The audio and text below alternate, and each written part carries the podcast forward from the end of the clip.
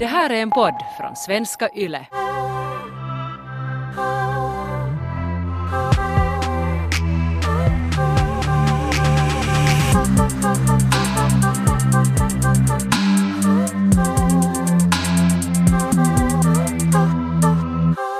Vad ska jag göra om killen har helt superdåligt självförtroende? Så här frågar en Instagram-följare oss Taika.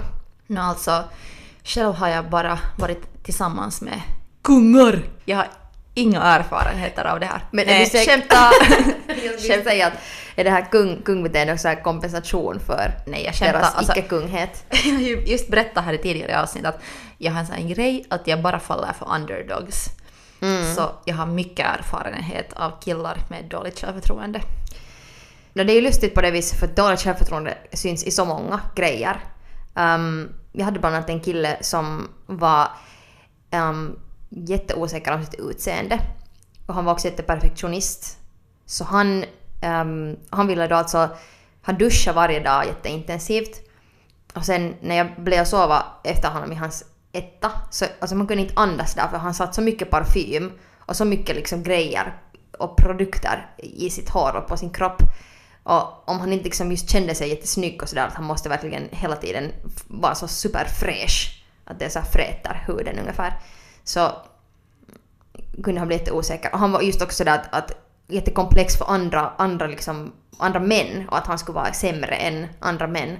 Nog massa andra osäkerheter men det var en sån ganska klar också. Att är jag, är jag fulare än alla andra? Hur klarar du av att leva med den här killen? Jag klarar inte. Han, här, kära lyssnare, det bara inte går. ja, nej, han var någon jävla pissappa. Men alltså... Nej men på något sätt, du klarar ju av det på något sätt. Det är Men- sant, ja. Men måste du ge honom en massa komplimanger? Hur, hur reagerar du på hans, hans osäkerhet? Och insåg du att det var osäkerhet eller, eller verkar det först som någon slags... För det låter om man är så obsessiv med sitt egna utseende och sin... Ja, no, sitt utseende. Mm. Så det låter mer sådär att man bara själv upptagen.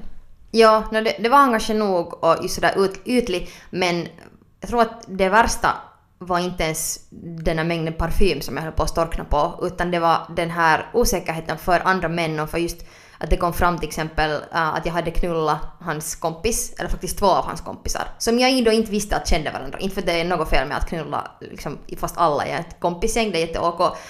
Men det råkade sig så att två människor som jag inte kände, att jag visste inte att de kände varandra, så de råkade ännu vara kompisar sinsemellan och sen kompisar med min dåvarande pojkvän. Så sen när han fick veta det här så var han ju helt förstörd.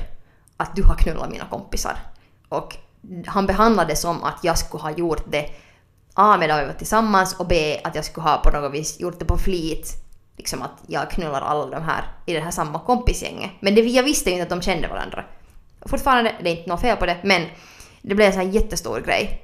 Att, och det var flera år sen som jag hade, alltså det var, det var flera år tidigare som jag hade då knullat den här ena killen. Som var, han, som Som var hans- killes vän. Ja, och det var just så här, den här kompisen som eh, jag hade knullat, så det var just en så jättecool och jätte så här intressant typ. Och han hade så komplex för det där att vara cool och intressant. Han, att din kille då kände att han inte var tillräckligt cool och intressant eller? Han, ja, att han måste tävla med alla sina kompisar. Och det var ju jätte, jättejobbigt. Jag menar, alla komplimanger i hela världen så kan inte räcka till till att försöka få, få honom att... sådär. Och han tyckte också om att ta fram sin kuk alltid nu och då, så det, jag vet inte, kanske det gav honom någonting. kanske, kanske det var det enda som han var säker på. Han Så här är min Titta kuk! på den, titta på den! Titta på, titta på mig, titta på min kuk! Jag har ingen personlighet men jag har en kuk! Här är mitt ollon. Nej, men alltså... Men är det, har du någon gång varit med om så att killar som visar sin kuk för att liksom få någon slags självförtroende? Ehm, alltså jag, tyck, jag tror att det är typ var tionde kille, det här är min, min statistik. Baserar det här typ på dina som, som studier? har det här, de, att, om de annars känner sig så obekväma med sig själva och osäkra, så sen om de har en stor kuk så då känner de att det är så här, att de, det är berättigat att visa den.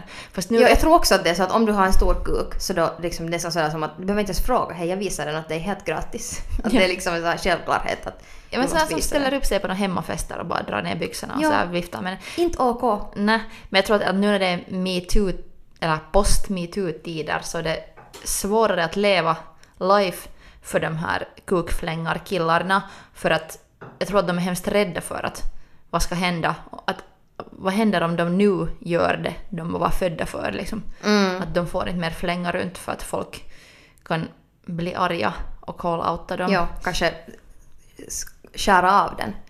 ja, det, Kanske alltså, posta den på sociala medier. jag hade en, en, ett ex som eh, hade visat sin kuk till en manlig porrstjärna eh, på en fest då. För att få en komplimang eller? Ville fråga bara att tror du att jag skulle kunna göra porr. Aha, ah, ja, att kolla okej. här på min kuk. Vad hade porrstjärnan svar? Um, jag minns inte. Eh, jag vet inte faktiskt. Jag, jag antar att det var säkert en lite konstig situation för porrstjärnan också att någon visar sin kuk till dig. Men den här killen visade också sin kuk när han var jätte, jättefull så han ville också poängtera där att hans kuk var ju mycket mindre än vad den skulle vara liksom annars. Men att han tyckte ändå att det var jätteviktigt att få visa den här kuken till den här porrstjärnan. Men det blev ingen porrstjärna av honom ändå. Det här, men den här killen som du, som, eller din ex-kille som du berättade om just, Mm. som hade dåligt självförtroende och han försökte kompensera med parfym och att visa sin kuk och allt möjligt. Så hur, eller, eller dog det här förhållandet ut i det att han hade dåligt självförtroende eller liksom, spelar det en stor roll? Jag tänker nu på våra lyssnare som frågar att hur ska man kunna leva med en kille som har dåligt förtroende, eller vad ska man göra om man dejtar någon med dåligt självförtroende?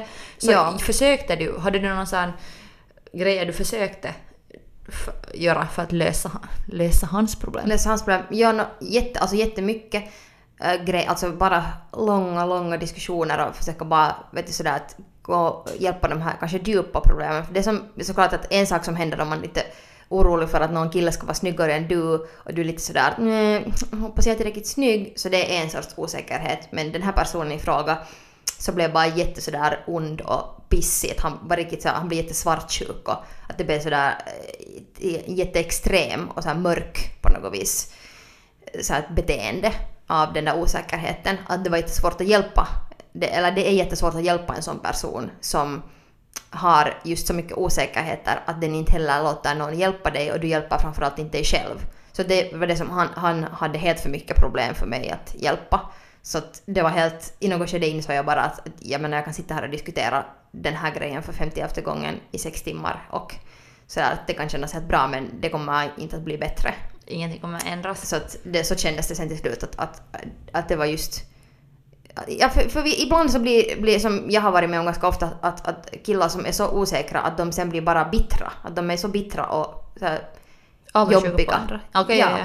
Avundsjuka på andra, svartsjuka på mig. Och det blir bara så mycket negativitet att man måste bara sådär get the fuck out. Så det var det som jag gjorde. Jag tycker det är lite samma som i kompisförhållanden. Att, att man kan ju till och med bli vän med någon för att man är lika osäker. Så när man känner igen någon slags beteendemönster eller energi eller sätt att tala om sig själv och världen eller någonting. Så ska man bonda om det. Att haha, vi båda suger, ska vi vara kompisar? Ja. Men sen om man plötsligt själv börjar feel yourself, att du är såhär att ah, jag suger kanske inte så mycket mer, att jag är ju ganska nice. Och sen när man, liksom, alltid när man går med, med sin kompis på kaffe, så den här kompisen säger jag suger!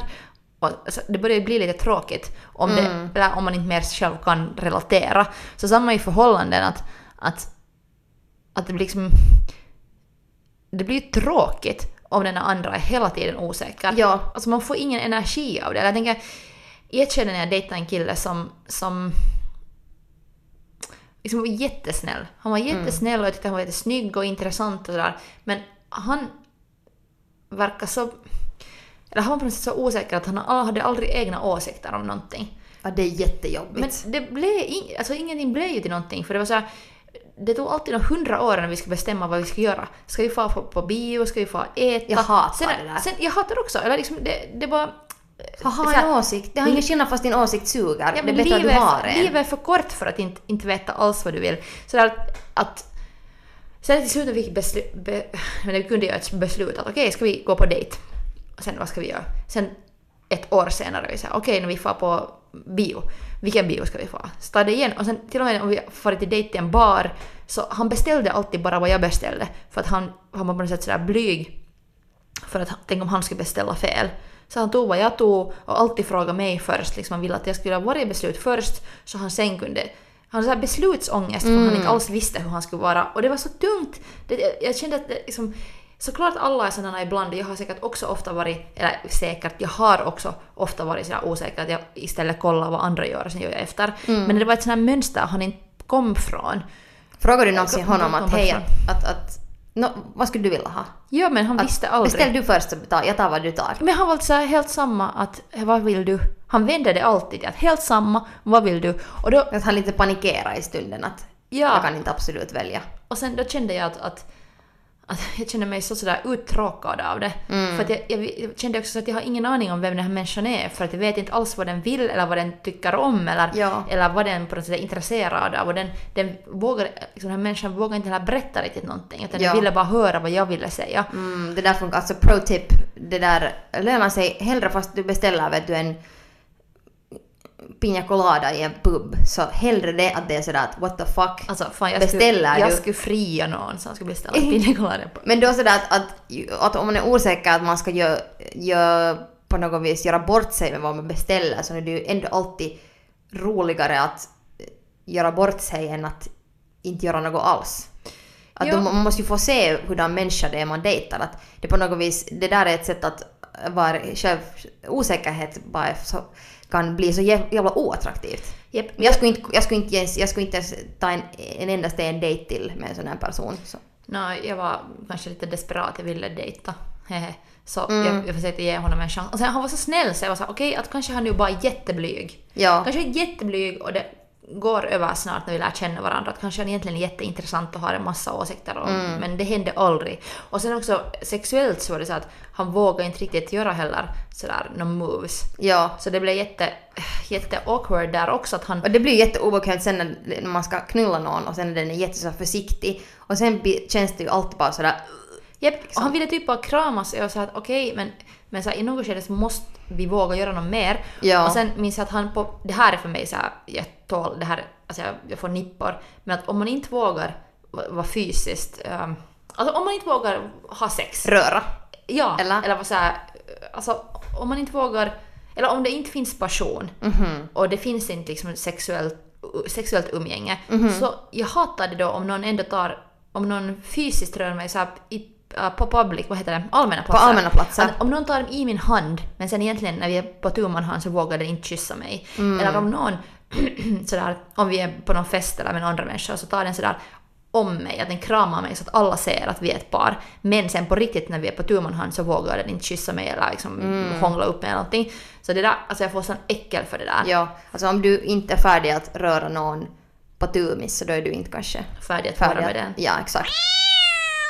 Jag hade också en kille som just var jätteosäker att vi hade inte ens sex, vi bara spuna. Och sen uh, tog han om mig sådär att han i misstag rörde mitt bröst och sen sekunden som han tog i det så var han bara såhär oj förlåt.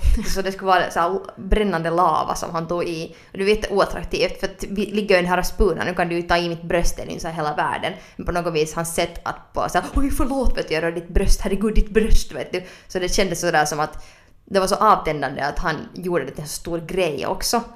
Det blev så onaturligt. Det är ju det som händer när människor är osäkra. Eller det finns någon slags, att det inte riktigt finns eh, så här connection där som blir så naturlig. Att man bara kan kasta sig på varandra och ha den här passionen.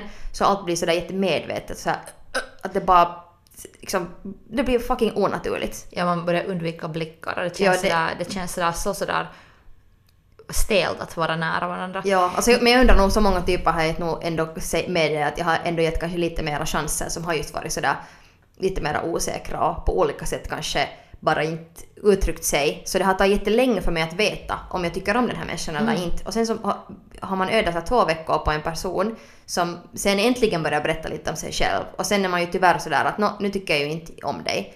Men vad, vad var den här liksom spänningen som du har byggt upp här nu med någon så här mystik att vem du är? Kan, du, kan man bara direkt säga vem man är och vad man, vem man tycker om så kan man bestämma om vi vill umgås eller Ja. inte. Kanske och det är man- jätte-OK. Kanske, kanske man borde ha på dates sån här kompisbok när man genast fyller i favoritdrink, favoritfärg, favoritbio, favorit... så så all, alla svar direkt där och sen ska man direkt hångla så vet man hur det Ja, funkar. säg vem du är så jag kan dumpa dig. I- Nej, skämt. Säg vem, det här var så här rubriken för avsnittet. Säg vem du är så jag kan dumpa dig. Men, men när du sa om det här att din ex-kille hade haft det som osäkerhet, att han var så att är jag tillräckligt snygg och han satt för mycket parfym. Alltså sådana killar klarar jag igen av för att jag känner igen den här osäkerheten. jag, jag är sådär, är jag tillräckligt snygg och jag sätter för mycket parfym. Så jag skulle kunna fast sätta mig in i någon städskrubb och sitta där ett år tillsammans med en kille och tala bara båda om våra så här neuroser om att så osäkert. Är vi, är vi tillräckligt snygga? Hur ska det... Liksom, det, det, det klarar jag av. Men jag klarar inte av det där att om någon är sådär sexuellt osäker. Vilket, vilket kan låta eh, fräckt för att jag har, jag har själv också, när jag var yngre, har jag haft stora osäkerhetsproblem med min egna sexualitet. Men eftersom jag just nu känner mig sådär befriad, jag, jag har ingen tålamod just nu till såhär mesbeteende. Jag menar, hur, hur kan jag börja... Eller hur kan jag knulla en typ som sen inte kan röra mig på rätt sätt och är osäker i sängen? Det går ju inte. Och jag har ju faktiskt varit med om det här. Och varit med en sån person som... Det blev jättekonstigt i sängen. Och eh, nu så här på efterhand så ser jag nog de här vissa varningssignalerna. Till exempel en grej var det som utstrålade den här personens os- osäkerhet som jag irriterade mig på var det att när jag gav en komplimang så istället för att säga tack så, så sa han bara att nej, och kunde inte ta emot nå en endast en komplimang. Och jag, jag tycker det är en major turn-off. Att du inte kan ta emot en komplimang, att det alltid blir ett, ett skämt. För jag tycker det, det är ändå någonting som personen du älskar eller som du dejtar eller knullar så säger någonting så man måste kunna ta emot det. Så där insåg jag att det här är no, en major turn-off för mig. Jag vill att, att att klart att vi alla har osäkerheter men att det är en turn-off där när man är så osäker att man inte ens kan ta emot en komplimang. Men är du den här som inte kan ta emot en komplimang? Eller, eller jag är du den som ändå är sådär oj tack vet du vitsi vad roligt att du ändå ger mig den här liksom, Nu kan, validationen på det viset. nu kan ni ta emot komplimanger och jag vill också höra, det är ju sån om man dejtar någon och den är såhär att att, att du ser bra ut eller eller någonting, du doftar så gott eller Mm, ja, Någonting alltså vad som helst. Ja, och sen också att... Jo, alltså jag kan nog ta emot komplimanger för det är någonting jag vill också höra. Ja, jag, vill, precis. jag vill höra att den andra har roligt, trivs med mig och sen njuter Mm. av min närvaro mitt utseende. Ditt utseende Ja. och dina munnar och dina munnar. Munnar. klarar, du av, klarar du av att ge honom komplimanger? Eller, var det så, eller blev du störd på att han fiskade dem så att du aldrig bara gav dem? Jag har funderat lite på det att eh, när jag tittar tillbaka på mina ex-pojkvänner så när jag har sett dem till exempel nakna eller tittat på deras face eller på deras rumpor eller på någonting så jag har inte varit sådär Åh, du är så fucking het! Att jag har kanske inte bara tyckt att de är så heta. Och det, det inser jag ju nu med min kille när jag faktiskt tycker att han är väldigt het. Men med tidigare pojkvänner så jag vet inte, hade det varit deras inre fulhet som har gjort att de inte har varit liksom attraktiva för mig eller har jag bara inte tyckt att de har varit tillräckligt attraktiva. Det här säger ju inte att jag inte skulle någonsin ge dem komplimanger och sådär. Att jag har ju alltid gett komplimanger men nu när jag tänker tillbaks så alltid när jag gett dem komplimanger har jag nog inte känt det sådär fysiskt att till exempel min pussy eh, håller med väldigt fysiskt när jag ser någon naken som bara så hmm, du är så hot. Och man känner det i kroppen. Så jag har inte känt det där med mina ex. Men jag tror att det kan vara också mycket att göra med de här osäkerheterna. Alltså, om man eh, så klassiskt ska tänka på att, att går det att bli attraherad av osäkerhet så jag tycker att det kan vara jättecharmigt om någon är blyg eller, Ja. eller på något sätt sådär känslig. Så mänsklig på något vis. Ja, exakt mänsklig. Det, det, man ska inte liksom, nu när vi, vi är så hårda, eller vi är så sådär att... Osäkerhet är dåligt. Osäkerhet ha är lite självförtroende, hej hallå! Ja, osäkerhet är osexigt. Så Ja, det, vi som själva är sådär major anxiety and depression. Ja, va, alla vakna, vakna på morgonen och säger förlåt, förlåt, förlåt. det första man säger. Så, hur går det? Förlåt! Ja. Men God morgon, förlåt.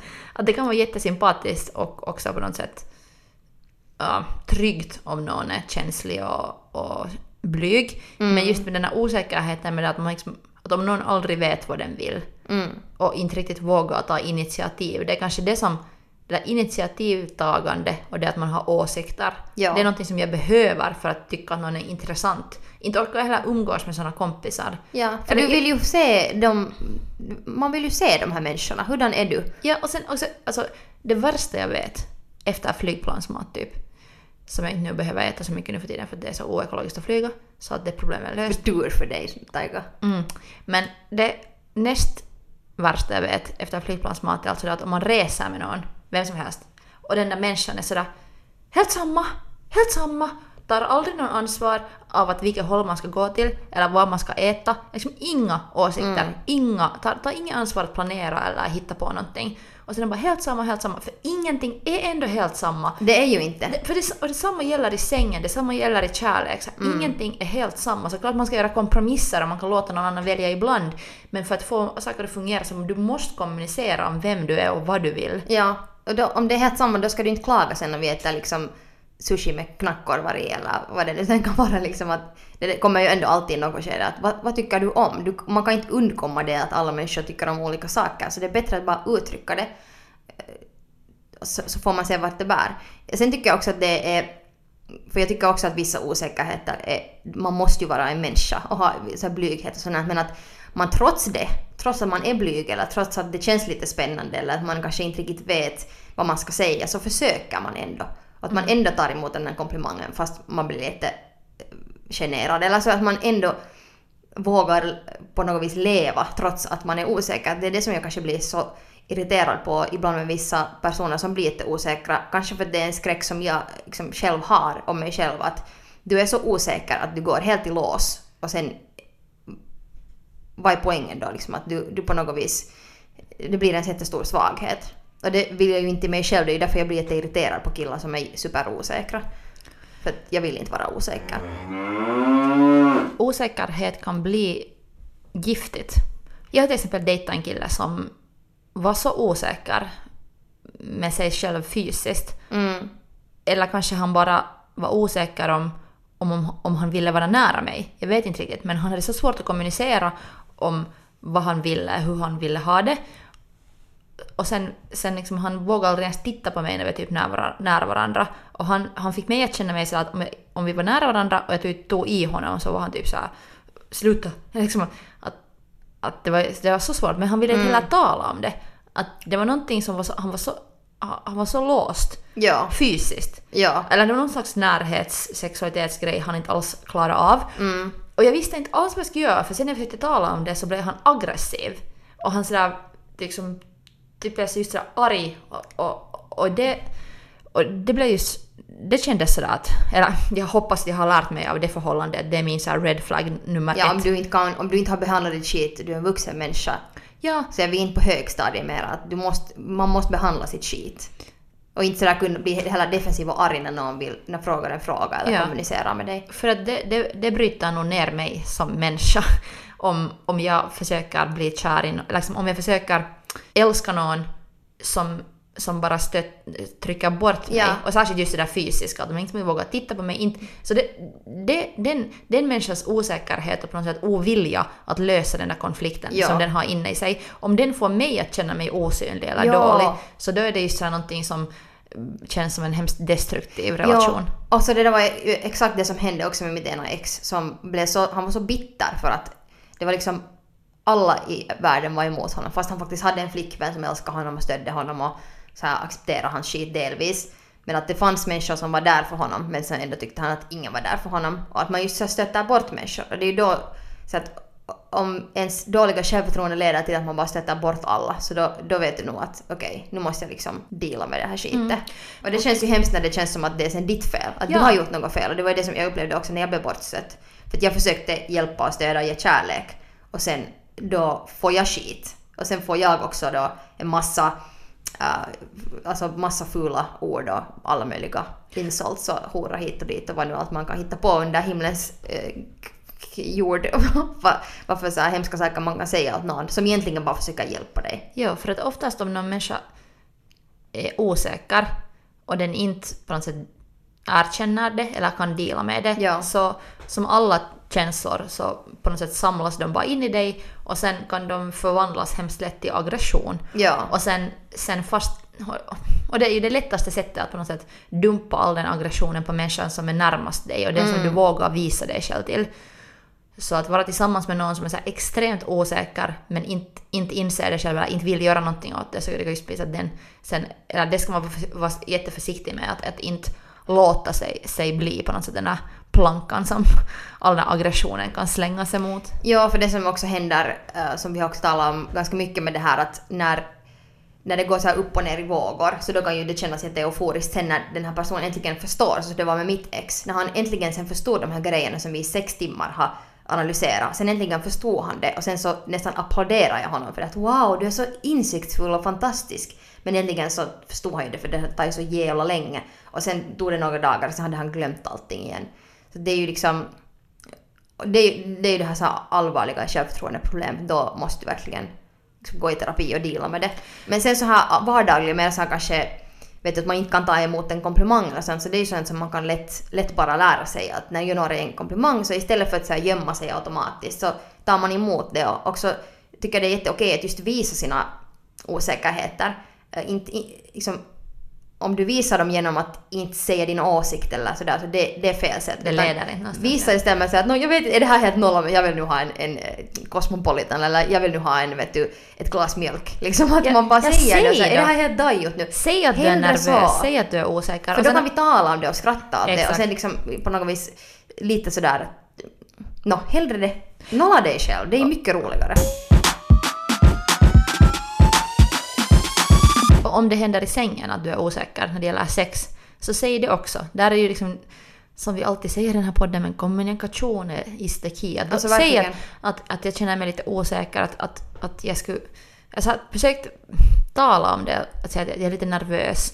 Så om du har en empatisk, bra partner, så antagligen så är den partnern så det är okej att vi kan göra, göra i din takt. Och kanske så här tips till den här vår lyssnare som frågat vad ska man göra om man tillsammans med en osäker kille. Att om du, om det är då i sängen han är osäker, så försök Liksom, steg ett är att försök vara extra känslig och snäll mot din partner i sängen. Säg att det är okej att vara nervös, det är okej att vara eh, lite osäker och sen bara fråga att vad, vad tycker han om, Eh, vad känns bra, var sådär, ta det sakta och var snäll. Ja, och ge mycket komplimanger. Ja, och sen just säg det där att, att, att, att fråga, fråga så här, hur känns det och vad vill du och sådär. Komplimanger och frågor och just sådär att, att man får den andra känna sig okej. Ja. För jag tror att desto mer man kommunicerar så desto mindre laddat känns det för de sakerna som du är rädd för att ska avslöjas om dig eller vad det nu sen kan vara. Så om du bara får det ut ur din käft så då är det inte inne i ditt huvud. Så det tror jag är jätteviktigt. Och sen ibland lönar det sig bara att ta också en, fast en promenad tillsammans och göra någonting helt annat. För att, no, till exempel när jag började dejta min nuvarande kille så... eh, Det, liksom, laddningen att ha sex hade byggt, byggts upp så mycket att båda kände sig ganska nervösa över det. Och sen, sen hade vi en diskussion innan vi försökte ha sex som var sådär att vad ska vi göra om vi inte lyckas ha sex? Att om sex är inte bra. Och sen sa båda, eller jag minns att båda var sådär, no, att då måste vi bara vara vänner. Att då, är det bara, då, är det, då är det tyvärr så att vi är bara vänner. Och jag minns att den diskussionen gjorde allt så hem, allt bara så mycket värre. Att fast vi hade båda, båda höll med och var sådär att så blev det så här extra press. Men då var vi såhär, okej att nu, nu kan vi inte sitta i den här lilla ettan och snacka sex utan nu måste vi få ut och göra någonting annat en stund. Ja. Och sen får vi på en promenad. Och sen efter en stund när vi kom tillbaks så hade vi sex och inga problem. Allt var jätteskönt och bra och vi blev jättelätt lättnade. Ja. Men att vi byggde upp sådana osäkerhetsmoment så dun dun dun. Ja. Tänk om allt förstörs. Så Ja. då måste man bara kanske också ta en liten break för att känna sig trygg med varandra igen. Absolut. Ja, och man, man, man ska inte, i alla saker kanske man inte heller behöver så här älta jättemycket. Speciellt om det blir så här negativ eller sådär att, vet du, att, att, att med komplimanger, och om man nu är helt säker, tycker du att jag ser fin ut, vet du, så här att man för mycket försöker få den här komplimangen eller alltså det, det är liksom inte Vad tycker du om min, vän, mitt, min vänstra bröstvårta? Vad tycker är den snygg? Är den snygg? Titta på min rumpa! Är den bra idag? Vad tycker du om min högra blygdläpp? Jag måste, Äh. får, jag berätta, får jag berätta en rolig grej? En liten Nej Taika, nu är det slut på roliga grejer. happy ending. Okej. Jag var på en timme där man ska träna rumpmusklerna för det är trendigt nu. Ja. Aha. Kardashians och alla andra har lärt oss att, att det. rumpan är viktig. Nå, där var jag på den här rumptimmen och sen var Jag är den så här glad att de har lärt oss det också. Ja. För jag visste inte tidigare. att rumpan är viktig. Ja, jag visste inte. Nå, nu vet du. jag det. Röven är kung! Röven är kung! Det är faktiskt känd slogan som alla Kardashians säger. Det är inte många som vet det men det är faktiskt så som det är. ja. Ja, berätta vad. Det, det, det är inte som Kanye West sa, Jesus is king. Det röven är kung! Ja, så är det. Butt is king. No, anyway, så var jag på den här rumptimmen och sen eh, är den här instruktören talar engelska och sen är hon sådär Everybody do the muscles now, everybody wants a great butt. Det stämmer, där Ja. håller jag med. Sen fortsätter hon att Some, when summer comes you want to walk on the beach like a princess, like a butt princess. Och sen är vi alla där, jag och alla mummor där i salen som jag jumpar bara med mummon. Så sen alla vi är faktiskt sant, jag har inte tänkt på det förr men ja, vad jag vill vara är nog en butt princess. Att ju, och det handlar också om självsäkerhet. Jag vill gå på beachen som en butt princess. Så det är nu mitt nya motto Jag i det livet. där. Ja. Har du tatuerat det där inre någonstans? Nej, men Runt din rumpa 20, kanske? Nej. 2020 så vill jag strutta runt som en butt princess that I am. En så här pro-tip nu som också den här tjejen nu som har skrivit in till oss. Alltså om, om du försöker ge så här motivational speech, för jag tycker det är bra att man, man kan försöka motivera sin partner. Men sådär, om det känns som att det inte hjälper och om det känns som att det ändå inte sådär, den här personen ändå är sådär, så då tycker jag att då kan man bara Thank you, next. thank you next. För att det är inte, det är inte, man kan inte älta för evigt. Men just faktiskt som den här Ariana Grandes Thank you next-låt när hon sjunger. Hon har lärt sig någonting fantastiskt av alla sina ex-pojkvänner och sen har hon blivit så fantastisk. Ja. Så om det enda du får av din kille är sådär osäkerhet och skit, och sådär, så då ska, då ska du dumpa honom för att man ska leva livet sådär som Ariana Grande, att man ska kunna, man ska kunna någon gång ännu göra sin egna Thank you next-sång. Ja. Vad lärde du dig av den här? Det Ja. kan inte alltid vara såhär He taught me That I suck. så att Ja. var dåligt här. He told me I didn't, don't deserve nice things. He hates my bangs. He Ja. has he can't fuck. He thinks I smell. he smells too much. Men det är så sant alltså. Thank you. Next. Alltså alltid, och man lär sig av alla människor men poängen är att man ska gå vidare, man ska bli bättre med varje partner, man ska inte bli sämre. Och det som mitt ena ex gjorde, den här kukflängaren, så han, um, alltså han, han ville ju dra mig ner. Så när han märkte att jag började bli mer självsäker så började började han nu panikera och blev ännu hemskare. Så att liksom, om du har, om det skiter sig i ett förhållande men du har gjort din partner lite mer självsäker så det är fint men det betyder ändå inte att ni ska vara tillsammans. Så det är vårt tips till den här tjejen nu. Att jag tycker att beroende på lite vilka områden den här personen hon kanske dejtar nu um, är osäker på så tycker jag att, att hon ska lite känna efter att känns det som att uh, det är sådana här lätta saker som man kan fixa med lite komplimanger och sen känna efter att ta den här emot på komplimanger eller inte får du dem tillbaks också. Det är jätteviktigt att det inte bara är ensidigt. Du ska inte vara den här motivational butt princess uh, speakern utan det ska both ways. Båda ska vara butt princesses. Men om det sen du är tillsammans med en person som är osäker och har verkligen såna grejer som gör att den skulle få bort dig eller att det, blir, det liksom är för mycket för att behandla under ett förhållande. Så då, då kommer det inte att gå. Nej, det kanske är dags att ta fram den klassiska plus och minuslistan. Verkligen. Att okej, om det är ett stort problem att din partner är osäker, så om det är så här, he taught me insecurities, liksom att det är bara, det är bara där. Så Ja. då, vad finns på den här plussidan? Och kan de jämna ut varandra och är det så att du kan då liksom hjälpa den här partnern att bli mer självsäker eller äter den där osäkerheten upp allt annat? Ja, jepp. Det är en jättebra poäng.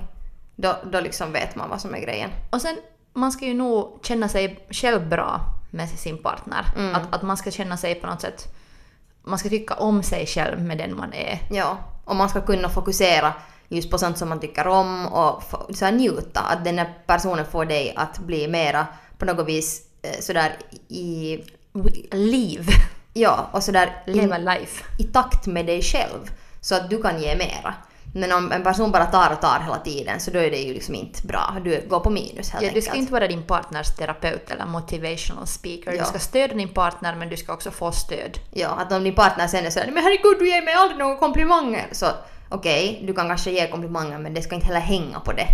Nå, du doftar gott idag. Din jävla needy bitch. Kan, vi ska också tala faktiskt här ett kommande avsnitt om grälande så då kommer vi kanske lite ännu in på den här kommunikationen och om man kan till och med gräla sexigt. Ja. Ja. Och kan man lära sig att gräla bra? Mm. Eller ska man gräla överhuvudtaget? Mm. Så hänt i ett kommande avsnitt av I säng med Ronja och Taika på Yle. Ah, spännande, spännande saker. Tack Taika. Tack Ronja. Kom ihåg att Go fuck yourself.